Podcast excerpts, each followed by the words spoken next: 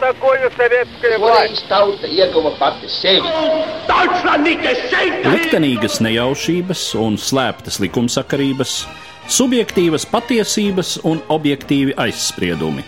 Pēc atkušņa nekad nenāk uzreiz pavasars, bet sākās Arī šodien cilvēki ir ļoti tūredzīgi. Viņi redz to naudu, kas ir. Televīzijā jau pamatā notiek cīņa par varu. Pagātne no šodienas skatu punkta un šodienas caur pagātnes prizmu. Raidījumā šīs dienas acīm. Latvijas radio eterā Eduards Liniņš. Labdien, cienījamie klausītāji! Mēs šodien turpinām mūsu sarunu ciklu, kas veltīts Latvijas senajai vēsturei un senajām latviešu ciltīm. Šodien mūsu sarunas tēma - sēļi. Mani sarunas biedri studijā arheologs Jānis Ciglis un valodnieks Ojārs Bušs. Labdien! Labdien. Par sēļiem, cik tas arī ir izskanējis mūsu līdzšinējās sarunās, tad alaži tiek pieminēts, ka par viņiem ir maz ziņu. Viņi ir gandrīz vai tā kā tāds baltais plankums Latvijas eh, senās vēstures kartē, un laikam arī tā cilts, par kuras nonākšanu 13. un 14. gadsimtā vācu krustnešu atkarībā ir viskopākās ziņas, un arī pirms un pēc tam. Bet nu, par sēļu klātbūtni liecina izloksnes, kuras mēs joprojām saucam par sēliskajām augšzemnieku dialektā, un droši vien, ka ir un tiek vākti joprojām arī arheoloģiski materiāli. Varbūt pat varētu sākt ar tādu jautājumu, nu, kas vispār ļauj spriest, ka šāda cilts ir pastāvējusi, atšķirīga no kaimiņu ciltīm, pirmkārt, varbūt no arheoloģiskā viedokļa. Par sēļiem vēlējā dzelzs laikmetā no arheoloģiskā viedokļa runā ir diezgan pagrūti, jo viņu materiālā kultūra ir ļoti līdzīga ar latgaļu materiālo kultūru. Tas ir darbarīku formas, rotas lietu formas. Atšķirības galvenokārt ir saskatāmas abadīšanas tradīcijās. Ja par sēļiem kā baltu tautu runājam, tad varbūt tas ir iegājies nedaudz nepareizi, ka sēļi, sēļi ir kā tāda maza teritorija. Sēļu apdzīvotā teritorija nav nemaz tik maza. Varbūt puse, pat mazākā puse ir tagadējās Latvijas teritorijā, otra puse ir Lietuvas teritorijā. Ja mēs, piemēram, par daudzām zemgaļu zemēm esam diezgan daudz runājuši, rakstījuši, tad par sēļu zemēm tās ir runāts un rakstīts mazāk. Tāpat kā zemgalē jeb kursai, arī sēļu zemē bija 13. gadsimtā sava politiskā struktūra, kur rakstītajos avotos ir vinētas vesela rinda sēļu zemes. Turklāt to rakstīs, ka šīs sēļu zemes ir ar ciemiem un pilīm. Tas nozīmē, ka arī senai sēlijai bija sava politiskā struktūra. Mēs zinām sēliju, sēleni, varbūt tā ir Daugavas piekraste, tad ir kalve, tad ir maleisine, taurakse un nīdzgale, pālone, varbūt es nepareizi nosaucu viņas, jo tas ir latīņu rakstībā un kā daudz vietvārdu nav mūsdienās sastopami, bet tas rāda to, ka līdzīgi pārējām šīm baltu zemēm arī senā sēļu zeme bija liela teritorija ar saviem novadiem, kuros ir pilis bijušas pārējais. Vienīgā nelaime ir tā, ka sēļi ir bijuši tuvākie kaimiņi lietuviešiem, un jau 13. gadsimta sākumā Dienasēlie politiskā ziņā varbūt bija nokļuvusi Lietuvas diškunigaišu ietekmes sfērā, un līdz ar to Viņi vairs nespēlē tādu atsevišķu politisku lomu. Politiski neatkarīga ir daudz maz bijusi Sēlpils. Tas ir Sēlpils, Sēļu centrs, Daugavas krastā. Otrs tāds nozīmīgs centrs varētu būt Dienvidu Sēļie tagadējā, apmēram Ritas rajonā, tur ir Stupeļu kalns, tur pilskalnu koncentrācija, Kapulau koncentrācija. Un atsevišķi ir Jodonis pilskalns Lietuvā, bet neatkarīgie, tādi politiski svarīgākie centri, tas ir Sēlpils, kuru mēs zinām pēc Indriķa kronikas, ka viņu nopostīja. Mhm. Tieši Latvijas teritorijā. No kura gadsimta sākot mēs vispār runājam par sēļiem Latvijā? Kad mēs par sēļiem varam sākt runāt, arheologs īsti nevarēs pateikt, jo kad sēļi ieguva tās iezīmes, kādus viņas zinām pirms 13. gadsimta sākumā, īsti nevaram pateikt. Teritorijā ziņā. Ar agro dzelzs laikmetu daudz maz var runāt, kad ir šie kapuskalni ar akmeņu riņķi, kuru sakrīt ar sēļu kāpjošo intonāciju areālu Latvijas teritorijā, un atšķirībā no šo areāla rietumu daļas, kur ir arī apmestā keramika, tad šajā teritorijā ir gludā keramika, un pēc šīm arheoloģiskām pazīmēm mēs varam runāt par šādu uzkalņu kapu kultūras apgabalu. Kas ir Tagadējais Jēkabils rajons apmēram un Aiviekstes basēns Madonas rajona daļa, bet eh, ar to jau viss nebeidzās, jo pēc tam nāk kaut kāds austrumbaltu iespējams vilnis. Un līdz ar to, ja Aiviekstes baseinā uzkalņu kapu kultūra beidz eksistēt, tur veido šie latgaļu līdzenieku kapu lauki, tad Daugavas dienvidu krastā tur šīs vecās tradīcijas saglabājas, it kā tas process sākās pārēja uz līdzeniem kapu laukiem, bet viņš nenobeidzas un veidojas varbūt bez akmeņu riņķa, kā lejas dopelēs, ir arī atsevišķi līdzenieku kapu lauki, bet Lietuvas teritorijā šo kapu uzkalņu tradīcija vēl stingrāk saglabājas, un tur laikam ir tā atšķirība, ka vienā Daugavas krastā ņēma pārsloku varbūt jaunpienācējs elements, bet otrā krastā varbūt palika šis te vecais elements pamatā spēcīgāks, un līdz ar to izdalās šie te latgaļi sēļi. Te uzreiz jāiesaist sarunā arī valodnieks, jo runājot par tām sēliskajām izloksnēm, varbūt šie priekšstati, kurus veido skolas mācību grāmatas, jo skolas mācību grāmatās kā sēļu zemes ir iezīmētas tikai Daugaus kreisā krastā, tātad kaut kur uz dienvidu austrumiem no zemgaļiem, tagadējā sēlija. Tas, kas Daugaus labajā krastā, tā visa ir atzīmēta kā latgaļu zeme. Bet tie, kas interesējas par latviešu dialektiem, tie zina, ka tātad sēliskās izloksnes ir arī jau pieminētajā Aiviekstes basēnā līdz pat Lubānai diezgan platā un tādā pamatīgā joslā starp vidusdialektu un nesēliskajām, varētu teikt, tādām īsti latgaliskajām izloksnēm. Saka, ka vidzemes dienvidi ir austrumi, bet eh, daži hipotētiski stāri aiziet uz ziemeļiem pat līdz gulbenei un augstnei. Mēs varam arī no valodas datiem droši vien spriest, ka jau jūs pieminētajā laikā tas ir Tas ir agrais dzelzs laikmets, 1-6 gadsimts apmēram. Mūsu ēras 1. un 6. gadsimtā sēļi visdrīzāk jau apdzīvo abus Daugavas krastus, apmēram tagadējā Jēkabpils, Madonas, Ērgļa koknes. Ērgļa koknes un Daugavas kreisais krasts. Ja mēs pieņemam tā, tad apmēram 6. gadsimtā ienāk no dienvidu austrumiem austrumu baltu latgaļu elements. Un tad notiek kaut kāda sajaukšanās Daugavas labajā krastā. Ko valodas dati mums uh, rāda, vai tas izskatās uh, ticami? Kaut ko jau rāda, kaut gan, kā rakstīts pirms gadiem 20 izdotā enciklopēdijā jautājums par sēļu etnoģenēzi un apdzīvoto teritoriju vēl nav izpētīts. Bet, nu, kaut ko jau rāda tiešām ir no vienas puses kolēģi jau pieminētā kāpjošā intonācija apvieno gan vidzemes sēliju, gan augšzemgājas sēliju. Tā pašā laikā ir virkne pazīme, kas raksturīgs tikai šai dienvidu sēlijai, kas vidzemē nav redzams, kaut vai šie vietvārdi ar N kā grenze un svente kur varbūt ir kāda sena radniecība pat ar kuršiem vidzemes sēlijas, ja tā varētu teikt, tagad saskatāmais latgaliskums senajā šī vārda nozīmē. Tas ir licis gan enzelīnam, gan pēcenzelīna laikmetu lielākajam valodniekam Antonam Brēdakam, arī pašus sēļus uzskatīt par austrumu baltiem.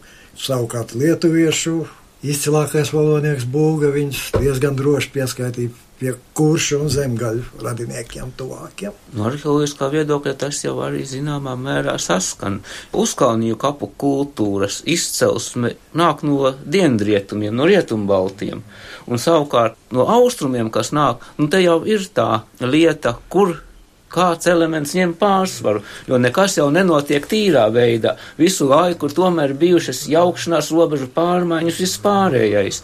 Un tā kā tajā dienvidu daļā tomēr tās rietumbaltiskās uzkalņu kapu kultūras tradīcijas ir tomēr spēcīgākas, kā vēl saglabāšos kapu uzkalņus, tad arī tās varbūt tās rietumbaltiskās pazīmes ir stiprākas valodā, un savukārt aiviekstes baseinā, kur šīs ir spēcīgākas austrumbaltiskās, tur varbūt viņas ir vairāk zudušas. Jā, jā šai vidzemes sēlē, kā liekas, ir tādi trīs slāņi bijuši pašā sākumā. Vēl nebaltiskais, somugriskais, tad uzslāņojas sēliskais un tad uz to latgaliskais. Jā, Nu, faktiski tad tā diezgan raibā aina, ko mēs varam zīmēt. Un pirmām kārtām jau jāsaka par tiem notikumiem Daugaus labajā krastā, kas varbūt uh, rada tādā populārā līmenī visvairāk mulsumu un nesaprašanas, jo šī skolas grāmatu karte, kura visiem ir atmiņā, un tātad Daugaus labais krasts, tas ir viens iezīmēts liels apgabals, tie ir latgaļi. Bet būtībā mums ir jārunā par trīs veidu latgaļiem. Tie ir latgaļi Gaujas baseinā, kas ir visdrīzāk zemgaliskas izcelsmes, kā var spriest no valodas, un mēs arī šeit, eh, nu, it kā mēģinot hipotētiski rekonstruēt iepriekšējās sarunās šī apgabala apdzīvošanas eh, vēsturi. Tad ir sēliskie latgaļi, kas apdzīvo aiviekstas baseinu. Nu, un tad ir īstenie latgaļi, teiksim, kas ir ienācēji kaut kur no dienvidu austrumiem un varbūt visvēlākie ienācēji šajā teritorijā. Vēl vēlāk pieaucās atkal jaunāks somu superstrāts vēl. Kas diezgan mīklains films, bet tur Madonas Barkaus pusē ir kaut kādi. Nu, Tur nu, jau- laikam, Igauniem to rada vai pat tieši Jā, Igauni. tas varētu būt, jo šajā teritorijā jau kopš agrā dzelzs laikmeta ir dzelzavas apkārtne, tur ir šie te Baltijas soma akmens krājumu kapu lauki. Un tā pakāpeniskā tāda pārbīde notiek visu laiku. Piemēram, Vecpiebalgas ezēnos, tur ir tekstīlās keramikas apmetne, ko visi saist ar Baltijas somiem, un kaut kādā trešā gadsimtā tur parādās uzkalņu kapulauks, kas ir kā vairāk pēc formām zemgalisks. Tā robeža pārbīdas apmēram par 30-40 km jau šajā posmā. Pēc tam, kad noformēja šī latgaļu kultūra, tad var ļoti skaisti redzēt, kā viņi iet pa aiviekstu augšu pēdējais, sasniedz kādā 7. 8. gadsimtā, gan iz augsnes apkārtni. Tad viņi 8. gadsimtā ienāk Gaujas baseinā, apmēram tur senākie kapi latgaļu zināmi, un tā robeža pakāpeniski, pakāpeniski spiežas uz ziemeļiem, līdz apmēram stabilizējas kādā desmitajā gadsimtā, un tad līdz 12. gadsimtam ir tāda diezgan patukša josla pašos ziemeļos līdz tagadēji Latvijas robežai, kur mēs nezinām ne Igauņu kapu pieminekļus, ne Latgaļu kapu pieminekļus.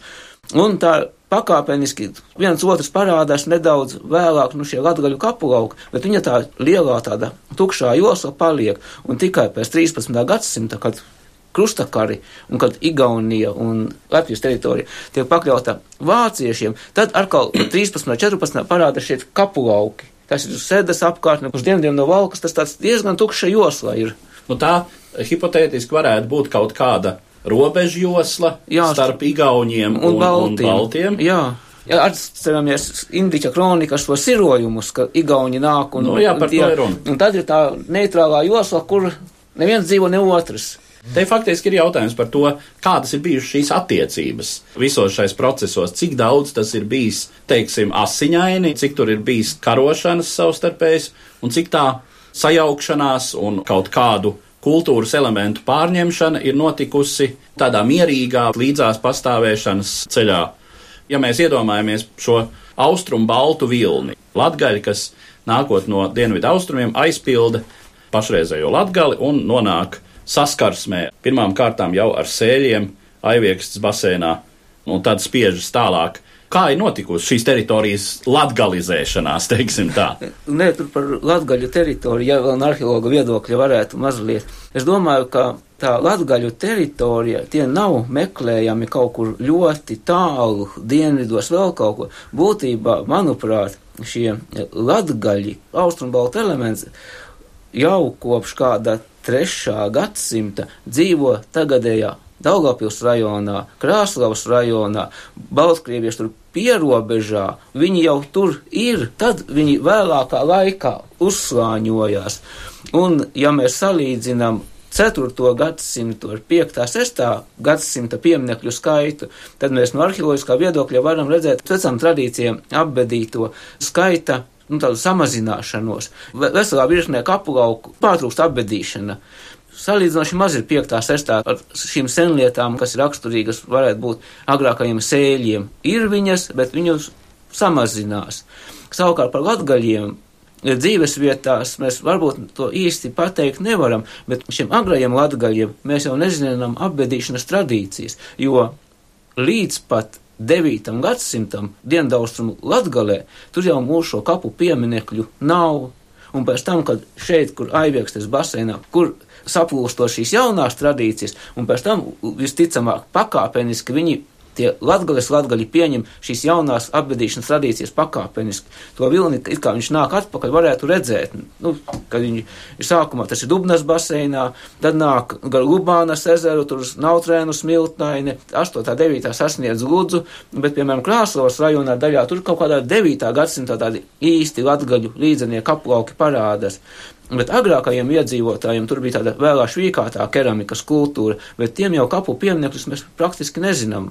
Vai viņi dedzināja mirušos, ja vēl kā apbedīja, jo tā ir tāda lielā ziņā mīkla. Un galvenokārt šos etnisko skaidrojumus vienmēr gūstam no kapulauku materiāla. Mhm. Nu, ja runājam par asiņainu vai neasiņainu, nu, ja būtu maksimāli asiņaini, tad nebūtu nekas valodā palicis no iepriekšējiem. Tas, ka tur ir valodisks tāds sajaukums un substrāts, tas liecina, ka vismaz daļēji ir bijusi miermīlīga infiltrācija. Nu, ne bez saviem kautiņiem, protams, bet tomēr arī sadzīvošana. Nu jā, nu kautiņi, teiksim, varētu būt tāda ciemu naida līmenī, bet nevis, teiksim, karš starp divām nu, nu līdzās esošām. Nu, nu, nu vismaz ne uz, savstarpēji iznīcināšanu. Jā. Tas arī tiešām it kā vedina domāt, ka šīs ciltis ilgāku laiku jau ir dzīvojušas kaut kur salīdzinoši tuvu līdzās. Tur nav runa par kaut kādu tautu staigāšanu. Pakāpeniski, acīm redzot, pieaugot iedzīvotāju skaitam, vienkārši notiek jā. šī satuvināšanās un pēc jā, tam saplūšana. Ja mēs atgriežamies atpakaļ pie šī agrā dzelzs laikmeta, tad ir šī te vēlā švīkātā keramika arheologi, nu, apzīmē pēc keramikas, nu, pēc atsevišķām pazīmē šīs arheoloģiskās kultūras. Un kādreizējais ilūkstes apriņķis. Tas ir pats sēles augšgals. Tāda dienvidu latgale, tur ir šī vēlā švīkātās keramikas kultūra, kas pastāv līdzās un vienlaicīgi ar šo uzkalņu kapu kultūru, kas ir Jēkabils rajonā. Šī etniskā robeža jau pastāv šajā laikā.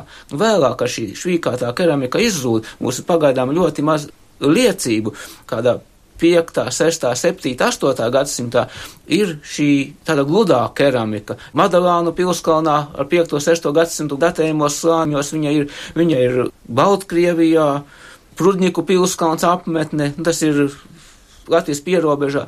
Ir dati, kas rāda to, ka divas tautas jau tajā laikā dzīvo blakus. Varbūt tas nav tā ļoti plaši mācību grāmatās rakstīts, bet dzīves vietas Latgalē nav tik daudz pētītas pilskalni. Tie materiāli vēl nav izvērtēti, bet principā šīs divas pastāv līdzās. Jā. Un šī švīkātā keramika tā tomēr pamatā saistām ar baltiem. Jā, tie, tā tie nevarētu būt. Jā. Tā, tā vismaz ir pieņemts, ka ir pāris zinātnieki, viens uh, Mašķinskis, tāds Pēterburgas arheologs, kas mēģināja viņu saistīt ar slāviem, bet, nu, principā tā, visi skaisti. Nav mēģināts saistīt ar slāviem. jā, bet, jā, bet visi viņu pamatos saist ar baltiem. Ja mēs tā mēģinām restaurēt un radīt populāru priekšstatu, kas bija tie faktori, kas noteica uh, šīs vienotās, it kā latgaliskās kultūras izveidošanos visā šajā teritorijā.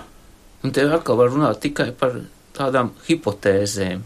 Ja runājam analoģijās, mēs zinām gotus. Goti no Skandināvijas 1. un 2. gadsimtā dzīvoja visos leitecē pārcēlās, tad viņi apmēram 2. un 3. gadsimtā parādās Rietumbaltkrievijā, Austrumpolijā, un pēc tam viņi nāk uz uz Melnās jūras piekrasti, un arheologi pazīst tādu Černiahovas kultūru. Tur ir ļoti, ļoti dažādi etniski elementi, bet ir apmēram kaut kas arī vienojošs. Tā ir tāda ļoti pārdroša hipotēze, bet eh, varbūt arī Šajā laikā ir tautu staigāšanas periods, kad veidojas tādas militāras apvienības, kas pakļauj varbūt arī dažādus etniskos elementus. Iespējams, varbūt, ka kādu brīdi veidojas kaut kāda tāda politiska apvienība, par ko mēs nekad arī nezināsim, jo tā visu laiku paliks hipotēze, ja mums nav nekādu rakstītu avotu, nekā. Un otrs ir tas, ka mēs varam izsekot, kā notiek šī materiālās kultūras pieņemšana. Kaut arī mūsdienās, kad parādās, nu, piemēram, kaut kas prestižs, un tā par senos laikos šiem bija pieņemts, ka viņi tā ģērbās, tādas rotas, un pārējie gribēja būt līdzīgi, viņi šo materiālo kultūru pieņem. Protams, tā varētu būt sevišķi, ja pieņem, ka kādā brīdī kāda viena grupa, kāda viena ģints, teiksim, kļūst par, kas ir, jā, kas ir izvirzās un pārējie grib līdzināties. par lielām tādām uh, Eiropas mēroga konsekvencēm. Viens ir šis vikingu sirojumu un iekarojumu un apmešanās moments, un otrs elements, kas nāk no dienvidiem, pirmkārt tā ir Bizantijas un pareizticības ietekme. Un tad ir Kijevas krievzeme, kur abi šie elementi tā kā sastopās. Zināmā leģenda nāciet un valdiet ierodas skandināvu militāra politiskā vadība, un tad pēc kāda laika savukārt tiek no Bizantijas pārņemta valdošā ideoloģija un izveidojas Kijevas krievzeme. Šo lielo procesu ietekme uz iespējamām norisēm šeit Baltu tautu starpā ir pētīta vai ir mēģināts to savilkt kopsakarā. Polotska un Ķieva mazliet būtu jāskatās, jo Polotska ir cita kņazu dinastija. Polotskā nebija Jurikoviči. Otrs ir šie vikingu braucieni. Bieži vien iztēlojamies Daugavu kā uh, milzīgu tirzniecības ceļu, bet īstenībā viņš tāds nebija, jo Daugava ir krāces. Tādēļ vikingi brauca ņeva, Ilmeņa ezers tālāk uh, uz Smolensku, Lovāte un vēl tas ceļš no varjagiem uz Grieķiem, jo, lai uzbraukt augšā pa Daugavu, pie katrām krācēm ir ļoti spēcīgi nocietināts pilskalns. Pirmais ir Rumbula, tad ir Daugmale, tad ir Lielvārde, Aizkraukle, Koknese, Sēlpils, Oliņkalns. Katrā vietā viņam ir jānāk krastā, Tur, vai nu, tur var notikt tā sacīt attiecības jā, skaidrošana. Jā, un līdz ar to ceļš no rietumiem pa Daugavu uz austrumiem maz izmantot. Tādēļ ir Daugmale, kur viņi atbrauc, kur ir skandināvu mantas, salaspils lausko skandināvu apbedījumi sievietes, tas ir kļūst par tādu starptautiskas tirzniecības vietu, un pēc tam tā tirzniecība notiek vietējo ietvaros lielā mērā šeit. Jo Latvijā, ja skatāmies vēl uz dzelzs laikmetu, ir vislielākais apbedījumu skaits ar svariņiem un atsvariņiem. Lietuvā, Igaunijā un pārējās ir, bet, ja ņemsim uz simts apbedījumu, jau nav tik liels īpatsvars. Kijavas, ja rozās šīfras un viss pārējais nāk, nu tas visticamāk ir tā, ka viņš ar savu preci tomēr nobrauc lejā pavasarī, pēc tam nāk atpakaļ. Uz Daugmali tomēr ceļu no austrumiem atkal mēģina šie polots, kas kņazi turē savās rokās, ka tomēr šādā veidā tas ceļš no austrumiem No. uz rietumiem strādā labāk nekā otrādi. Jo tur var nobraukt lejā pa krācēm, bet uzbraukt augšā nevar. Jā, nu, elementāri tāda patiesība, bet acīm redzot, pietiekami būtiska. Tas, manuprāt, ļoti zīmīgi, ko jūs teicāt par šo izteiktas eh, komersantu šķiras klātbūtni šeit. Jā, tas tā parādās. Uz kaimiņu fona tad mūsu šo te ir daudz. Rekur latviešu zemnieku tauta, jā, arāji un, un ecētāji. Varbūt viņi nebrauca tālu, bet šī iekšējā tirzniecība. Mēs faktiski neesam arī šais sarunās, kas līdz šim ir bijušas veltītas latgaļiem un zemgaļiem, izrunājuši arī to jautājumu, kā tad ir ar šīm valdošajām dinastijām vai valdniekiem Daugaus basēnā. Bija runa par to, ka šeit ir bijušas eh, ļoti iespējams slāvu valdnieku dzimtas. Parasti, ja mēs paskatāmies Krievu literatūru, tad ir Jersika, Krievu kņas un Koknese. Koknes pilskalns ir diezgan plaši pētīts, ir stikla aparoces, klātbūtne varētu būt. Tad Jersikā tās pilnībā trūkst. Importa priekšmetu no Senkrievu zemēm ir ļoti, ļoti minimāli. Asote ir daudz pārāka šādu priekšmetu ziņā nekā Jersika, kas būtu Krievu kņaza centrs, ja tā būtu. Un ir pētīts arī šis uh, Jersikas kapulauks, un tur arī nav nekā. Tas nozīmē to, ka, ja par koknesi, vēl par veceki, tur varētu runāt un diskutēt.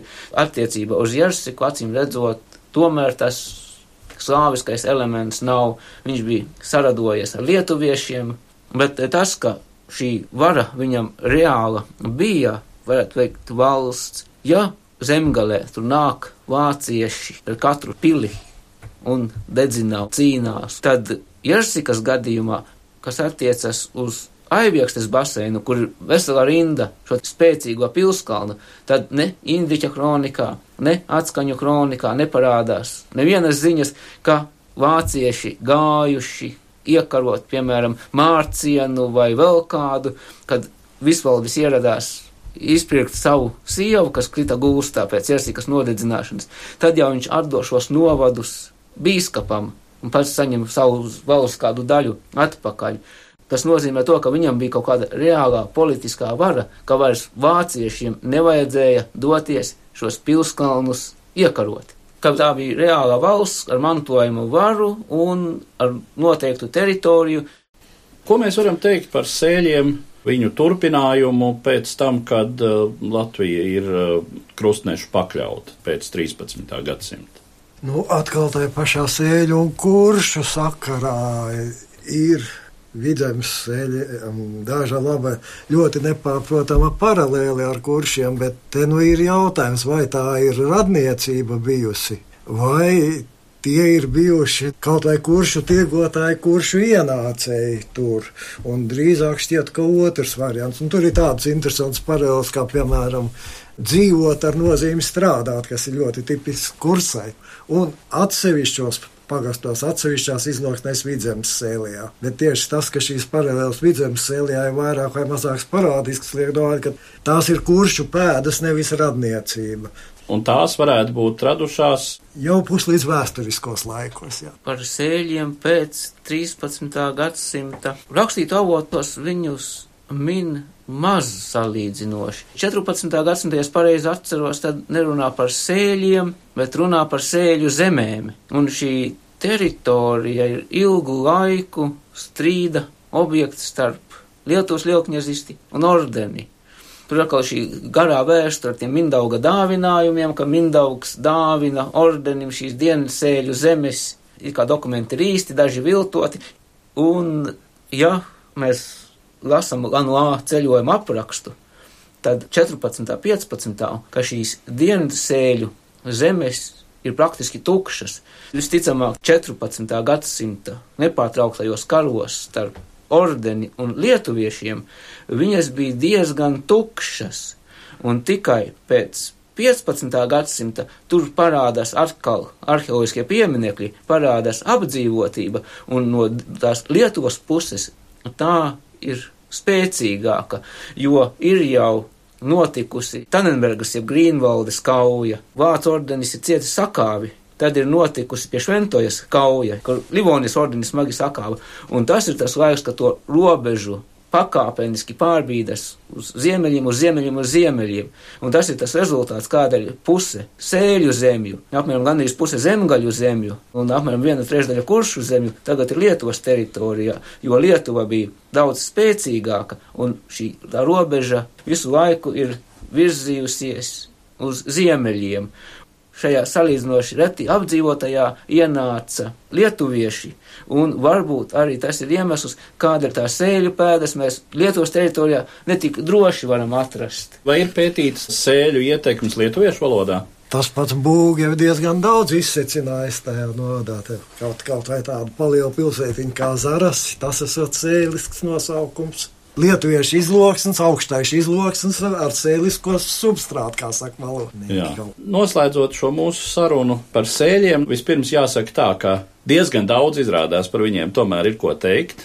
Un droši vien tas, ko būtu vērts atcerēties arī, ka runājot par sēļiem, tā nav tikai tā teritorija Daugaus kreisajā krastā, ko mēs tagad saucam par sēlīju, bet šīs sēļu zemes aiviekstas basēnā, vidzemes pusē arī visnotaļ ar savu nozīmi. Ļoti nopietnas. Es pat teiktu, ka tieši sēļi ir tā no senču ciltīm, kuras dēļ varbūt vajadzētu mazliet citādi krāsot to tradicionālo latviešu cilšu karti, kur bērniem skolā māca Tas ir, protams, tāds arī jāsaka mācību metodikas un terminoloģijas un jā, faktiski no jēdzienu. Chronoloģijas jautājums katra karta jau ir piesaistīta gadsimtam. Jā, jo dažādos gadsimtos daudzas kartes jātaisa ar katru gadsimtu, jo kaut vai mēs esam Livonijas laikā pieraduši, ka ir šī Livonija tādas un tādas robežas, bet 13. un 14. gadsimtā tās robežas bija pavisam citādas. Rīgas pilsētai piederēja, piemēram, 13. gadsimtā daļa zemgales, Ventspils novads piederēja tajā pašā laikā.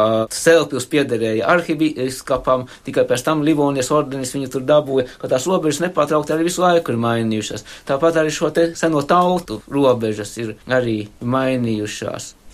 ar šādu secinājumu tad es arī gribētu noslēgt mūsu šodienas sarunu, kas uh, bija veltīta sēļiem, un saku paldies maniem sarunas biedriem, valodniekam Ojāram Bušam un arheologam Jānim Ciglim. Paldies!